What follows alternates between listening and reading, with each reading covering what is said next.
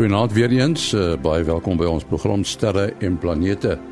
Ons kuier so 'n bietjie later saam met Willie Koorts en uh, professor Mati Hofman. Kobus Olkers, uh, die rus wat vandag se program betref. Ons begin sommer dadelik met ruimte nuus wat geskryf is deur Herman Turin in Bloemfontein. 'n Nuwe membraan bestaande uit besondere kristalle wat die koste van die ontsouting van seewater veel goedkoper kan maak is deur Amerikaanse en Australiese wetenskaplikes ontwerp. Die materiaal staan as die Metal Organic Frameworks MOF bekend en is eerder 'n aantal kristalle wat oor die eienskap beskik om water en lithium van soutwater te skei. Anders as met bestaande membrane wat vereis dat die seewater met elektrisiteit teen hoë druk en dus groot koste daarteen gepomp word, is die gebruik van pompe in die geval van die MOFs onnodig. Boonop kan die membraan ook lithium-ione uit die seewater herwin. Op die oomblik word dit teen hoë koste aan land gemyn. Lithium is volop in seewater. Dit is 'n ligte stof en word al hoe meer in batterye gebruik omdat dit so lank hou. Die eienskappe maak dit 'n gewilde materiaal vir die vervaardiging van batterye wat in die ruimte gebruik kan word. Die gravitasiekolk in die middel van die Melkweg, die galaksie waartoe ook die aarde behoort, is selde stormagtig van aard. Dit beteken die Melkweg se gravitasiekolk is nie baie geskik om sekere wetmatighede oor die stelsels te bekom nie en is na ander galaksies gekyk. 'n Baie geskikte woeste gravitasiekolk is wel met die behulp van die reuse Atacama Large Millimeter Submillimeter Array, die ALMA Observatory in Chile gekry. Die stelsel in die hart van die galaksie bekend as M77 is 40 miljoen ligjaar in deursnee. Die kern lyk soos 'n reuse donut. Materie soos sterre en lig word deurlopend deur die gravitasiekolk ingesluk en dit gee 'n besondere helder lig af. Tot sover dan ruimtenis wat elke week geskryf word deur Herman Turin in Bloemfontein. Ja, soos ek gesê het, wat ek kort sê en uh, professor Mati Hofman die kuier weer ouer gewoonte saam met ons hier. Interessante nuus wat ek uh, onlangs nou gesien het op Universe Today. Uh, Mati is die hele ding van die verste supernova ooit wat uh, hulle gesien het 10,5 duisend miljoen ligjaar weg. Maar nou voor ons oor die syfers praat, sê net eers wat is 'n supernova? Uh, nee, ja, 'n supernova uh, is maar 'n uh, 'n groot ster wat ten minste 'n paar keer die massa van die son moet wees wat die einde van sy lewe bereik en dan nie meer as hy die uh, brandstof in die kern van die ster uitbrand. Uh, daar kan nie verdere uh, smeltings uh kernreaksies plaasvind om die geweldige energie te produseer wat in 'n ster geproduseer moet word om die ster relatief stabiel te hou dan gaan hy uh, in in mekaar stort onder die effek van sy enorme uh, gravitasie en die enorme uh, gravitasie kom natuurlik van die enorme massa af. Uh so vir 'n groot deel van 'n ster se lewe is hy in 'n ewewig of naby aan 'n ewewig tussen die die termiese effekte waar die hitte en die druk hom uitmekaar wil laat skiet wat die buitenste laag wil wegdryf, uh, laat wegdryf en dan die gravitasie wat weer na die middel gerig is.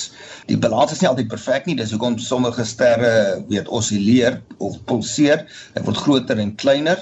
Ehm um, maar eh, 'n uh, ster soos ons uh, son wat in sy middeljare is is nogal baie stabiel. Daar's wel oscillasies van sy oppervlak, maar dit is baie klein in vergelyking met sy met sy grootte. So daardie uh, proses wat die uh, energiebron dan nou uitgeput word en daardie balans skielik nie meer geld nie, vind geweldig vinnig plaas. En dan het jy die buitekant van die ster wat na binne toe uh, versnel word teen 'n hoë spoed en dan kry jy natuurlik 'n baie groot digtheid in die middel en jy kry 'n uh, kon sê nou maar 'n bons effek. Jy kry 'n botsing van die buiteste laag en dan word dit weer uitgeskiet.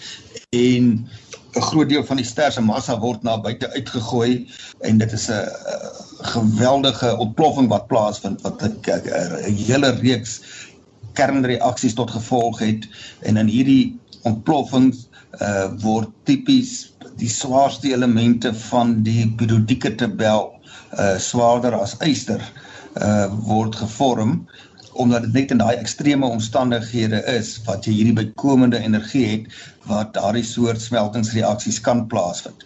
Uh en uh, net om 'n gevoel te gee van die omvang so van so 'n uh, ontploffing uh of supernova dan, dit sal maak dat 'n ster vir 'n tyd wat enigiets van 'n paar dae miskien enkele weke, maar gewoonlik maar 'n paar dae helderder kan uh, skyn as die uh, Melkweg, al die sterre saam in die Melkweg waarin hy hom bevind. En dan praat ons nou spesifiek van die sigbare deel van die spektrum. Uh dis nie net die sigbare lig wat uitgestraal word in daardie proses nie. Jy gaan 'n hele elektromagnetiese spektrum uh kry. Daar's ook ander tipe uh, supernova soos uh die, die tipe 1A wat nou weer op 'n ander manier vorm uh, waar jy nou 'n ster kry, sê nou maar in die Witdwerg stadium wat weer materie bykry vanaf 'n naby liggende ster en dan kan daar uiteindelik weer 'n nuwe kritiese massa ontstaan om weer kernreaksies aan die gang te sit. So daar's nie net een tipe supernova nie. Nou die die een wat nou die mense baie oor opgewonde uh, is is so helder dat hy op 'n baie baie groot afstand gesien kan word. So hy is nou 'n buitengewone helder supernova en jy het nou verwys daar na die afstand van 10.5 biljoen ligjare en dan wonder mens natuurlik dadelik maar hoe op aarde kan hulle dit nou weet. Die uh, meting van afstande in die in die in die sterrehemel is een van die belangrikste en een van die moeilikste probleme uh in die sterrekunde. Want as jy nou nie die afstand het na 'n voorwerp nie is daar baie ander dinge wat jy nie eintlik maar oor moet raai. Hoe helder is hy regtig hoe groot is hy regtig uh so as jy nou die die die afstand kan bepaal dan help dit jou om baie ander eienskappe te kan bepaal. Uh nou in elk geval net om om uh nou kortliks te probeer antwoord die verste antwoorde kon sê nou maar op 'n kosmologiese skaal waar ons nou by uh, 'n hele klompie biljoen ligjare kom wat nou 'n groot persentasie van die grootte van die sigbare heelal is dan is die belangrikste metode uh, is maar die die rooi verskywing. Nou die rooi verskywing verwys daarna dat as jy nou die die lig van 'n ver voorwerpe vat, dan maak nie saak hoe ver 'n voorwerp is nie, In hierdie geval praat ons nou spesifiek van die super uh, supernova, baie helder supernova. En omdat dit so helder was, kon hulle genoeg lig van hom opvang om die lig te ontleed om dit te skei in die uh by, by met behulp van 'n diffraksierooster in 'n in 'n spektroskoop.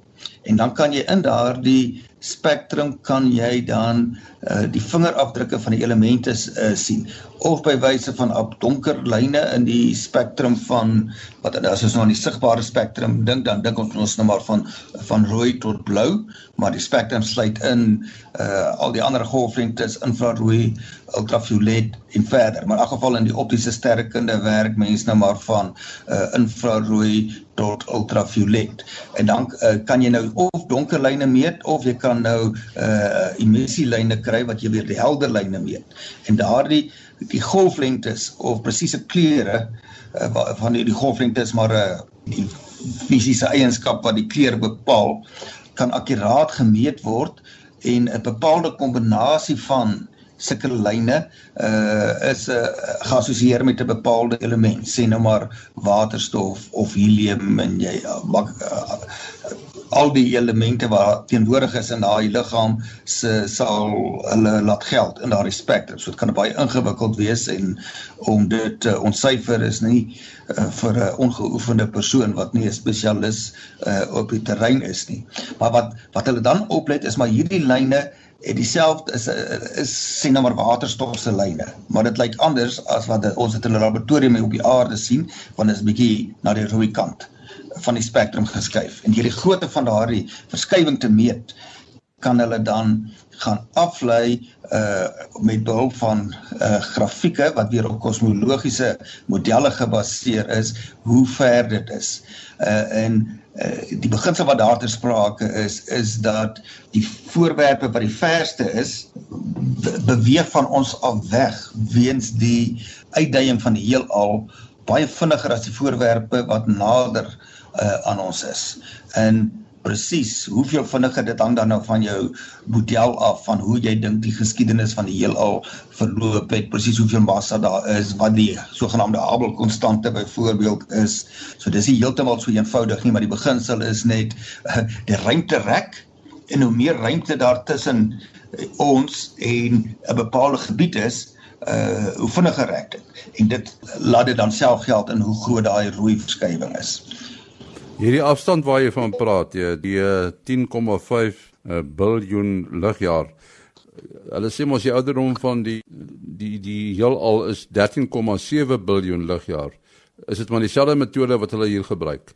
Nee, kyk so ons kan nie sien tot op daai afstand van 13.7 biljoen ligjare nie. So jy kan nie 'n meting gaan doen en sê jy het nou iets gesien wat 13.7 biljoen ligjare ver is nie, want die heelal is nie deursigtig tot op daardie era nie. Daar was 'n ondeursigtige uh fase. Ehm uh, dit kom maar uit die die die uh, deur die te ekstrapoleer, deur kom sê die rooi verskywing op verskillende afstande te meet uh en dan in jou kosmologiese modelle in te sit kan hulle dan uh en as ware meet hulle dan die Hubble uh konstante. Die Hubble konstante gee aanduiding van uh die uh kom ons sê die tempo van die uh uitdaging van die heelal deur die geskiedenis. Ehm um, en dan kan hulle uit die waarde van die Hubble konstante wat jy nou kan meet deur 'n groot aantal metings van rooi verskywings teenoor afstande te maak, uh kan jy dan uh aflei weet op watter stadium die uitdaging begin het. Wat wat 'n mens moet beklemtoon is dat die uh op nader afstande tot op afstande van sê enkele 100 miljoen ligjare wat nou baie nader as 10 biljoen ligjare is, kan jy afstandmetings wat jy nou aflei uit die rooi verskywing kan gekalibreer word deur ander meer direkte metodes om die afstande te bepaal. Soos op die heel naaste afstande tot op die uh, orde van enkele duisend ligjare kan die gewone driehoeksmeting of parallax gebruik word veral danksy die uh, ruimte teleskope soos die die Gaia uh, satelliet wat baie baie akkurate metings van die uh, parallax verskywing soos wat die uh, posisie van die teleskoop in die sonnestelsel uh, verander. So dis maar 'n driehoeksmeting effek soos wat ons op skool gaan geleer het. En dan kry jy nou die meer indirekte metodes uh, gebaseer op wisselsterre soos die Cepheid wisselsterre waar daar weer 'n verband tussen die helderheid van die ster en die periode is waarmee hulle osilleer. Ehm um, en as jy nou die helderheid van die ster kan aflei en jy meet hoe helder hy lyk, kan jy uitwerk hoe ver hy is deur die uh verband tussen afstand en helderheid wat die omgekeerde kwadraatwet is. Uh en dan het jy nou die tipe 1 uh, supernovas alle tipe 1 supernovas het omtrent dieselfde absolute helderheid. Uh en as jy dan kan meet hoe helder hulle lyk en jy weet uit die tipe supernova hoe helder hulle is, dan kan jy weer eens die afstand uitmeet. So hierdie uh verskillende metodes oorvleuel in die afstandskale waaroor hulle gebruik word en dit help dan om alles aan mekaar te bind sodat jy vertroue kan opbou in die meer indirekte metodes wat op die verste afstande geld. Ja, wat Madie daar aan die begin gesê het van die proses wanneer so ster inplof en en dan uh um en dan weer ontplof is 'n baie interessante eksperiment wat mens self kan doen. Uh in Engels praat hulle van rebound. Jy kry hierdie vreeslike uh uh um eintlik amper oor ywerige ontploffing en wat die ster dan in in die ruimte inskiet is tesame met hierdie swaar elemente wat nou gemaak is wat hy van gepraat het wat natuurlik die volgende planete en so gaan vorm en dit is natuurlik hoe baie van die swaar elemente op die aarde gekom het die lood in die Iran en hierdie vreeslike groot uh molekules uh natuurlik goud ook nê dis waar ons goud vandaan kom is hy daardie ontploffings uit. So as jy nou wil hierdie rebound demonstreer is 'n baie oulike eksperiment en dit kan jy maar by die huis doen hoor. Moenie moenie moenie bang wees nie. Moet dit doen dit net buite nie binne nie want jy gaan dalk 'n 'n paar van jou uh, van jou ligte in die proses uithaal. As jy 'n 'n netbalbal vat of 'n redelike groterige bal uh, en 'n tennisbal. En jy uh, sit die tennisbal bo op die netbalbal hou hom vas hou die twee in jou hande een in een hand sê maar die die uh, netbal in jou een hand en die tennisbal in jou ander hand en jy los gelyktydig laat die twee net gelyk afval grond toe. Uh dan dit wil sê die die tennisbal gaan nou bo op hierdie netbalbal hop en uh, jy kan nie glo hoe hoog skiet daai tennisbal in die lug op nie. En dit is dan hierdie selfde effek wat jy kry in 'n supernova ontploffing wanneer hierdie uh, hierdie materie in die ruimte ingeskiet word uh, op uh, uh, baie groot afstande as gevolg van hierdie rebound aksie. Fisika daarvan is as 'n ligte voorwerp bots met 'n uh, elasties bots met 'n swaar voorwerp, dan skiet hy hom baie baie uh, ver uh die die, uh beginsels omtrent hy skiet met twee maal die spoed weg van die uh, groot voorwerp. Nou kom ons uh, kom 'n bietjie terug uh, aarde toe en meer spesifiek na Sutherland toe. Ons het uh, verlede week gepraat oor uh, die teleskoop uh, wat daar by uh, by Boyden is in Bloemfontein.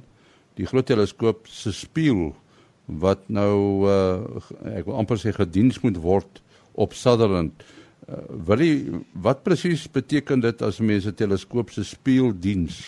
Die speels uh, soos wat jou badkamer speel uh is mos nou maar mooi blink en uh jou badkamerspieël hoef eintlik maar nooit regtig oorgedoen te word nie want die blinklaagie sit eintlik agter die glas waarna jy as jy kyk na die spieël en dan dan word hy nou ingeseël met 'n sekere spesiale verf of hoe hulle hom ook al seël.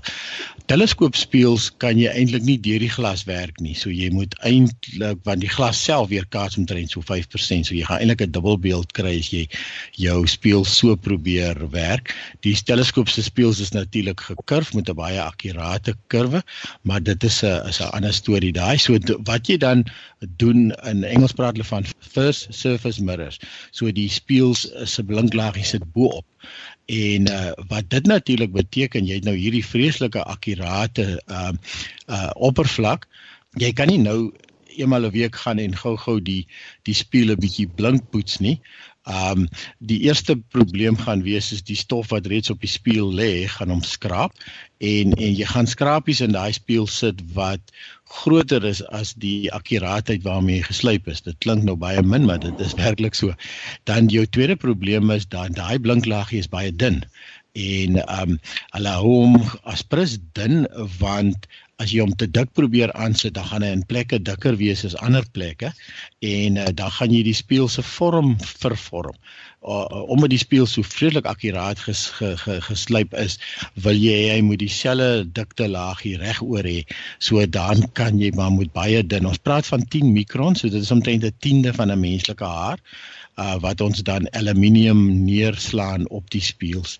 En uh, ons spieëls in Sutherland doen ons gewoonlik so eenmal in 2 uh, jaar omtrent.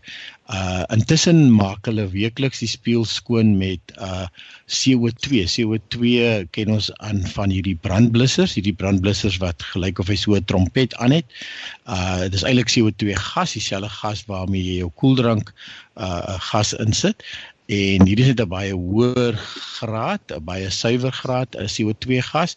Uh as die gas uitkom by die klein uh um nozzletjie waar hy uitblaas, dan on uh, gaan hy onmiddellik in 'n sneeufase. So hy hy raak sneeu en mense wat al daai brandbusse gebruik het, het al gesien hoe werk goed werk dit op 'n vuur. Natuurlik seker elektriese vure en so waar waar jy nie wil geleiding hê nie. Um wat jy dan uh, kry is dat daai CO2 sneeu het nogal 'n lekker skoonmaak aksie. En uh so as jy jou spieël so eenmal 'n week of eenmal in 2 weke afspuit met daardie CO2 dan word die stof basies afgewas, afge uh, dit dit, klou daaraan en en dan en dan kom dit af.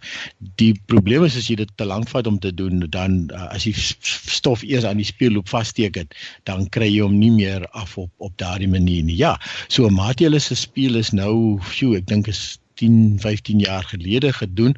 So daai speel het nogal baie baie sleg gelyk.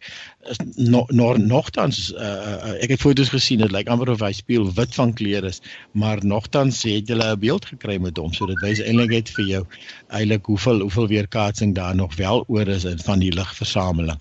Um so wat jy dan moet doen is dan um elke nou en dan, so ek sê ons doen ons speel so rofweg elke 2 jaar waar die speel uit die teleskoop uitgehaal word uh, weer eens maak seker dat niks aan sy voorkant raak nie want jy wil nie hy moet skraap hy stof en en gemors moet skraap op jou speel sit nie. Met 'n baie sterk bytsoda oplossing waar die aluminium of die oorblywende aluminium plus al die gemors daarop word uh, word opgelos en dit word mooi afgewas en um, dan het ons 'n seepproses wat ons deurgaan om die speel mooi mooi skoon te kry, die oppervlak mooi uh, alle alle olierigheidjies en alles moet afwees. Uh, en ons spoel hom, ons spoel hom werklik vir 20 minute met water aan mekaar om seker te maak dat al die seep ook verdwyn en uh, dan word dit in 'n groot uh, vakuumtank ingelei en uh, die spieël staan gewoonlik op sy sy maar jy kan hom plat ook sit. Dit maak glad nie saakie want gravitasie speel glad nie 'n rol nie. En dan so 'n entjie weg van die spieël af het jy 'n klomp spoelietjies en die spoelietjies is van tungsten gemaak en die tungsten is natuurlik dieselfde uh, materiaal waarvan jou elektriese die ou tydse lig lig uh, uh, filamente gemaak is. As jy dan stoom deur hierdie uh tungsten uh, stuur uh, dan raak dit wit warm soos soos jou jou jou lig. En um so op hierdie tungsten word daar dan baie suiwer aluminium 99,9998% suiwer aluminium uh sulke draadjies wat ons sny. Hulle word dan gehang aan hierdie aluminium ag aan hierdie tungsten filamente en uh, dan word alles toegemaak en dan pomp ons 'n vakuum. Nou die vakuum pomp ons oornag want dit is 'n baie hoë vakuum. Uh um, en dan die volgende dag uh word die uh, spoelietjies een vir een uh, uh die stroom deurgegooi deurgestuur. Uh die aluminium verdamp af. Ons kan nie al die al die uh, uh spoelietjies gelyk doen nie want ons het nie 'n groot genoeg kragbron nie. So ons doen hulle so 2 of 3 op 'n slag en dan uiteindelik as jy hulle almal deurgehardloop het, al die aluminium het afgedamp, dan het dit natuurlik nou die hele wêreld gegaan, maar onder andere ook op die spieël. En dan kry jy hierdie baie baie mooi ongelooflike blinkspieël wat dan nou weer uitkom uit uit hierdie tank uit. En wat mens dalk uh, kan noem uh, net om vir die luisteraars 'n gevoel te gee van hoe akkuraat die werk gedoen moet word. Uh wil net nou nou verwys na die dikte van die laagie, want dan is die vraag ook hoe eweredig is daai dikte? Met ander woorde die variasie in die vorm van die spieël wat vir jou toelaatbaar is. Uh nou daardie variasie moet kom sê as jy nou goed doen 'n tiende van die golflengte uh waarin jy waarmee jy uh, waarneem uh, uh wees. So ons praat van 'n uh, variasie van sê 10 duisendste van 'n millimeter in daai orde uh wat vir jou aanvaarbaar is. So so 'n millimeter is nou wel uh, baie groot in vergelyking met die goed waar ons praat. Ons praat van 'n duisendste, 'n 10 duisendste uh daarvan en om die laagie te laat hou dat hy nie afdop nie en dat die weerkaatsing ook eweredig is, is die suiwerheid baie belangrik. Ehm um, aluminium uh, is 'n goeie materiaal om te gebruik omdat hy 'n redelike hoë weerkaatsingskoëffisiënt het wat uh, meer as 90% vir 'n groot deel van die ligspektrum. Hy doen bietjie slegter as byvoorbeeld silwer by die uh uh by die korter golflengtes. Uh, dit is hier meer na die uh, uh, blou ultraviolet uh, kant toe. Maar silwer het nou sy nadele dat dit maklik uh, oksideer dit word word wel vir kleiner spieëls nog gebruik as jy in baie uh, skoon en droë omgewings werk ek wonder dikwels hoe word so 'n spieël vervoer En ja, dit was 'n groot logistiek wat uh, Prof Pieter Mandjies hier by ons ge, gekoördineer het. Ons het dit lanklaas gedoen, so ons doen dit nie elke keer nie. Elke keer moet jy nou mooi uh, die hele proses gaan beplan. Dis nou dink daaraan dat hierdie spieël uh, se massa seker uh wat naby aan 1.5 ton, 1500 uh kilogram. So ons praat van die massa van, meer as 15 mense. So dit is 'n baie groot massa. Uh jy moet hom daar onder uit 'n teleskoop uit kry, uh om bo op ons boonste vloer kry. Hy moet eers op 'n trolly gaan uh wat uh, jy weet oral se weet moet jy werk, jy moet seker maak daar gaan nie iets breek nie. So ons kry maar 'n kontrakteur in wat uh, uh, wat saam beplan het aan die hele uh, hele prosedure. En as jy hom nou eers daar veilig op die boonste vloer neergesit het, dan moet jy nou een van hierdie uh 10 ton hyskrane kry wat lekker ver kan bykom om nou deur die uh opening van die teleskoop se dak nou die te kan uithaal. Hy word in 'n ring gesit wat hom nou moet uh, vashou. Hy uh, die die spieëls wat nou ongelukkig help is uh, vir 'n Cassegrain tipe teleskoop met die spieël in die middel 'n gat. So ek skat ons so seker 30 cm in deursnee. So jy kan jy sit 'n 'n haak daardeur wat dwars deur die spieël gekom dat hy nou aan die onderkant vashou en dan kan jy hom nou uh, daarso uh, haak met die hyskraan. Ehm um, in elk geval hy word in 'n krat mooi verseël en dan sit nou maar die lang afstand. Hy word verseker teen 'n paar miljoen rand. Wat om so 'n spieël te vervang ehm um, dit gaan nie net oor 'n enorme klomp glas baie hoë kwaliteit glas nie. Dit gaan ook oor die presiese vorm waarteen hy gevorm is. Uh, soos wat ons nou al genoem het Uh, nou ons kan nie wag dat die spieël terugkom nie want dit gaan nou net maak dat ons baie dowwer voorwerpe kan sien en dat die akkuraatheid van ons uh, waarnemings veral wat ons na die die, die astrofisika na uh, forskingsspan en die nagraadse studente doen en ons kry ook dikwels versoeke van oorsee af om sekere voorwerpe te help waarneem maar dan uh, moet as dit dof is weer dan sukkel mense 'n bietjie jy jy jy soek absoluut elke bietjie lig wat weerkaats kan word wil jy opvang dat jy akkurate ligmetings kan kan uh, kan doen. Ons moet 'n bietjie praat oor die woordfees. Jy het nou al gehoor dat ons sterre en planete aand het uh, op die 4de Maart by Knorrhoek en uh wil jy gaan daar wees? Wat gaan ons daar gebeur? Uh teleskoop? Ja, dis reg. So uh, ons gaan ook uh vir Jan Boetse daai hê, die uh Naledi se se uitgewer. Uh gaan ons ook so 'n bietjie agtergrond gee oor die proses hoe om die boek hoe die boek daar gekom het en um en dan gaan ek self ook uh um paar woorde spreek ons gaan so afhangende van die weer gaan ons um selfs uh teleskope daar buite uh, opstel dat mense bietjie kan goedjies in die hemel die laghemel kyk. Dit is nou net 'n die maan gaan net redelik helder wees. Uh ek en die persoon wat my help Johan Leroux gaan elke een uh self so 3D gedrukte uh, dingetjies sommer saambring daar as mense wil so lekker foto's neem met hulle selfone na die maan. Uh want die volmaan help nou nie vreeslik baie laat laat 'n mens nou kan uh kan dowwe voorwerpe wys nie. En uh ja, so 'n bietjie sterkende gesels en dan uh as mense wil hê ons moet die boek teken gaan sal ons ook dit doen. Ja, ons hoop is 'n se lekker aand uh, daar by Knorhoek. Ja, die tyd is uh, half 7 vir 7 uur sien ek. Uh en as jy dit wil bywoon, kan jy bespreek deur CompuTicket. Ons moet afsluit ongelukkig. En wat is jou besonderhede? Ja, mense kan bel SMS of WhatsApp 0724579208. 072 4579208. En dan Mati? 'n 0836257154. 0836257154. My e-posadres maas.henny@gmail.com. maas.henny@gmail.com. Ons is volgende week terug.